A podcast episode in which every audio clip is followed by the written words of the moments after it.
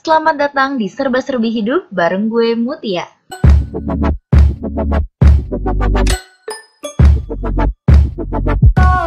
Masih nggak sendiri, masih sama Kak Iya. Adnan dan Kak Regia Taufan Yoi, yang menemani di sini teman-teman. Hai, Yang hai, lagi- hai, hai. yang lagi sibuk something sebenarnya. Oke, ah, tadi kita udah ngobrolin di part sebelumnya tentang millennials dan ya katanya bilang emang faktanya millennials itu cenderung eh, apa namanya kutu loncat. Suka disebutnya tuh sama orang-orang. Kayak nggak bertahan gitu. Baru ngelakuin aktivitas ini baru kerja di ini baru di organisasi ini gue ngerasa eh ini bukan passion gue gitu. Ini nggak gue banget gitu. Kayak semua tuh orang ngomongin passion passion passion. Nah sebenarnya apa itu passion? Kenapa semua orang ngomongin passion gitu? Apakah passion itu? Fashion? Ya. coba ngereceh fail. Ketawa dong, ketawa Tawa dong. dong, tawa dong. Ya. Ketawa dong. Eh, semua orang ngomongin passion. Nah emang seberapa penting kita punya passion? Terus kalau misalkan kita hidup tanpa passion emang bakal gimana gitu? Bakal fine fine aja kah? Atau gimana gitu? Nah kita obrolin lagi sama Kak Adnan seorang trainer yang bergerak di bidang self development buat millennials gitu. Nah kak mungkin bisa sharing sebenarnya makna atau arti passion sendiri itu apa sih kak apakah sekadar hobi minat interest itu berupa apa berupa kata kerja berupa bidang atau berupa apa Oke. Kita itu kadang suka mengartikan sesuatu tanpa kita melihat rootnya atau akar dari makna bahasa itu. oh Nah, seharusnya kita lihat dulu akar bahasa itu. Nah, passion itu sebenarnya adalah kalau ngelihat dari bahasa Latin itu artinya P A T I O R. Gue gua nggak tahu sebenarnya cara bacanya Ah, gimana. ah, ah. Gue bacanya patior gitu dari Latin dari Latin dari bahasa Latin itu artinya adalah sesuatu yang membuat kita tersiksa sesuatu yang tidak enak sesuatu yang menyulitkan wow jadi makna passion yang Wow. sering kita dengar Uh-uh. itu yang orang bilang Kesukaan, bergairah, uh, kesukaan, kesenangan, semangat dan segala macam. Ternyata makna awalnya adalah sesuatu yang menyakitkan, sesuatu yang menyulitkan, sesuatu yang membuat kita nggak enak sebenarnya. Nah, wow tapi kenapa kok ujuk-ujuk gitu? iya betul ujuk-ujuk kok bisa berubah Bisa, dari makna yang menyakitkan jadi makna yang menyenangkan dan segala macam. Dan ternyata dari literatur yang memang kami teliti itu, oh ketangkep. Ternyata passion adalah sesuatu yang itu walaupun sulit, walaupun capek, walaupun itu membuat kita sakit, jatuh bangun dan segala macam, tapi kita seneng ngelakuinnya, tapi kita Oh. bergairah ngelakuinnya, tapi kita semangat ngelakuinnya, gitu. Jadi makna passion adalah sebuah aktivitas bisa atau sesuatu yang membuat teman-teman itu, walaupun teman-teman berinteraksi sama hal itu cenderung jatuh bangun, menyulitkan, capek, lelah, tapi teman-teman suka dan Oh. you give the best for that.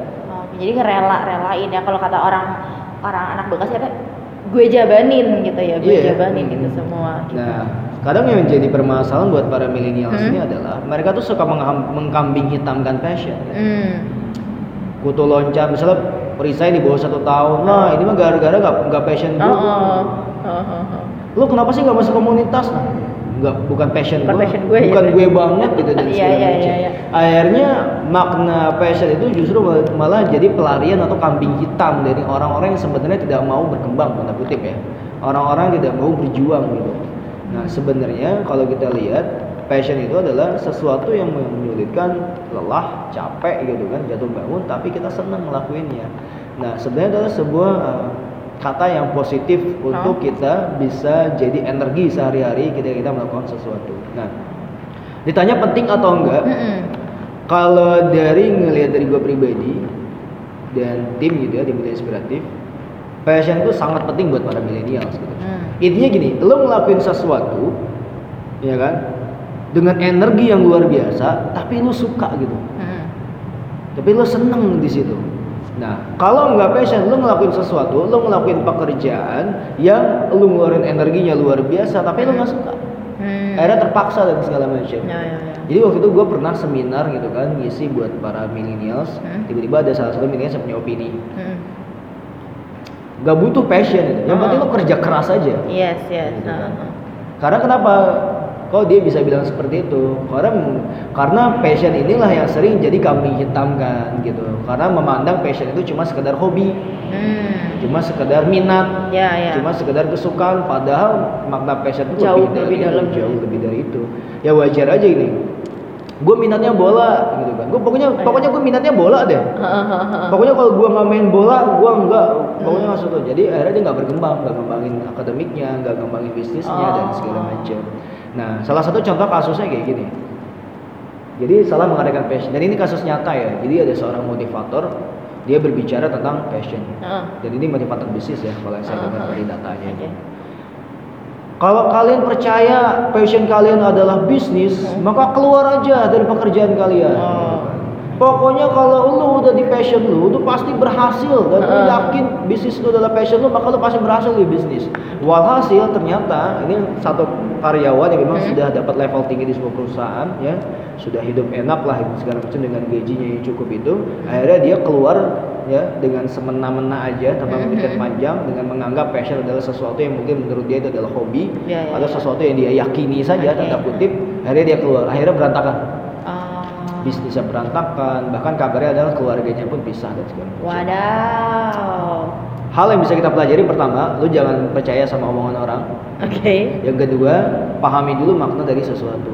gitu. Yes, yes. Jadi passion itu sebenarnya adalah, nah gue mau ngasih taunya dengan cerita. Lo tahu Rossi? Teman-teman di sini tahu Rossi? Nah Rossi itu salah satu pembalap internasional yang sudah mungkin I don't know ya karena gue bukan hobi nonton MotoGP juga Mm-hmm. sudah pasti kayaknya tujuh ke atas ya juara dunia itu Hmm.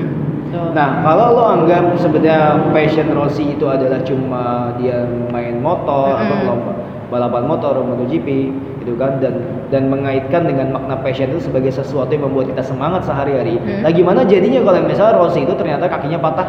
Gimana Mm. Rossi tiba-tiba kecelakaan dan dia Nggak bisa udah nggak bisa lagi naik motor gitu. Ah. Terus tiba-tiba passion dia hilang gitu.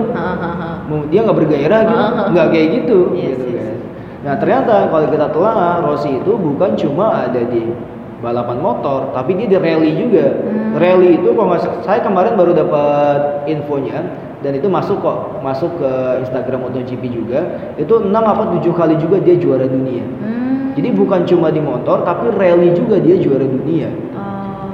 Selain mobil, dia juga punya sekolah balap namanya VR Academy, Valentino Oke. Rossi Academy. Yang memang itu melahirkan pembalap-pembalap internasional. Nah, Cok, kalau kita linkkan ya, kalau kita hubungkan, ternyata passionnya Rossi itu bukan cuma dalam satu hal, tapi dalam bidang yang besar, yaitu apa? Dunia balap. Gitu. Jadi once ketika ternyata Rossi sudah tidak bisa lagi naik motor, ada kemungkinan dia bisa balapan mobil. Mm. Balapan mobil sudah nggak bisa, dia karena dia udah tua Oh, gitu kan, gitu. dia masih bisa mantau di VR itu. akademinya itu, Oh. tapi tidak tetap terlepas dari dunia balap. Oh. Nah, jadi passion itu bukan cuma sekedar satu hal yang membuat lo terkungkung di situ dan lo nggak mau berbuat yang lebih untuk yang lainnya, tapi sebenarnya adalah bidang besar Hmm. yang lo bisa jadi apa aja. Yang penting tetap dalam satu koridor. Oh, Oke, siap, siap. Jadi tanya penting sangat penting banget. Hmm. Jujur sampai saat ini alhamdulillah gue kerja sesuai dengan passion. Hmm. Capek, lelah tapi sangat enjoy sekali, Hmm. sangat senang sekali. Dikasih challenge apa pun bahkan gue Yes, minta. yes. Challenge apa lagi nih? Karena gue senang di bidang ini, di bidang Hmm. pengembangan diri, gitu kan. Nah, jadi buat para millennials itu passion itu menurut gue itu penting. Nah, yang mengkambing hitamkan itu ya bisa jadi yang pertama maksud usulnya adalah dia belum paham makna dari passion. Hmm, bisa salah kaprah tadi ya. Menganggap passion itu adalah sesuatu cuma sekedarnya aja, jadi bahan pelarian yang suka jadi bahan eh, salah menyalahi dari para milenial. Sekarang menganggap itu bukan passion gue, itu bukan Ah. kesukaan gue dan segala macam. Yes, yes, yes. Oke, oke. Tadi ngomongin, tadi udah dijelasin gitu bahwa penting banget gitu ya millennials punya passion. Terus tapi nyatanya faktanya masih banyak banget orang yang belum tahu passionnya tuh apa. Kak, apa namanya kayak gue ngejalanin hari-hari, tapi belum nemu nih sebenarnya apa ini gue gitu, apa yang gue rela untuk menderita tuh bidang apa atau aktivitas apa tuh gue belum nemu. Nah gimana sih kak cara kita nemuin passion itu? Hmm. Sebenarnya kita di Muda Inspiratif ada teknik sendiri ya. Hmm? Jadi kalau kita itu kita itu punya public training namanya Great Muslim Millennial Self Quality Improvement Class. Jadi itu dalam satu hari gimana caranya para milenial itu jadi orang-orang yang shift ya dari mediocre ke runner, Hmm. punya tujuan hidup yang jelas, punya tahu sebenarnya dia tuh setiap langkahnya itu mau ngapain dan segala. Salah satunya adalah di situ diwajibkan mereka untuk nemuin passion. Heeh. Nah itu stepnya banyak sebenarnya. Cuman kita di sini biar teman-teman tahu kita tahu aja ciri-cirinya passion itu apa sih. Heeh. Nah ini kali ini versi kita ya. Jadi nggak tahu kalau misalnya versi yang lain. Oh, itu teman-teman oke, boleh cari referensi Yang lain. orisinil nih. Ya. Ini versi kita. Kalau versi kita itu ciri-ciri passion itu ada lima. Yang pertama sudah pasti masuk karakter yang pertama itu sesuatu yang menyakitkan tapi bikin kita seneng. Oh, oke. Lelah tapi kita senang. Artinya adalah karakter yang pertama atau ciri yang pertama adalah bergairah. Lu ngerasa bergairah nggak di bidang itu? Mm-mm. Yang kedua adalah pilihan sendiri. Hmm. Ya lu milih, ya lu emang suka dan lu pilihan sendiri bukan dipaksa sama orang, Oh. bukan bukan karena nggak enak, bukan karena apa. Jadi memang itu adalah kerelaan hati untuk memilih dan gue suka di bidang itu. Oke. Yang ketiga adalah skill. Lu ngerasa punya skill di sesuatu yang lu anggap itu passion, di bidang yang lu anggap itu passion. Lu ngerasa punya skill nggak? Mhm.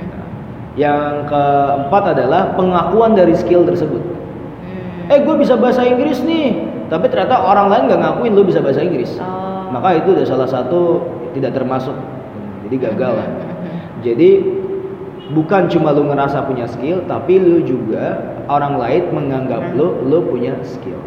Cara pengakuan dari orang lain itu bukan cuma sekedar nganggap lu hebat di fotografi, Hmm. lu hebat di sinematografi, lu hebat di dunia balap, lu hebat di dunia olahraga dan segala macam.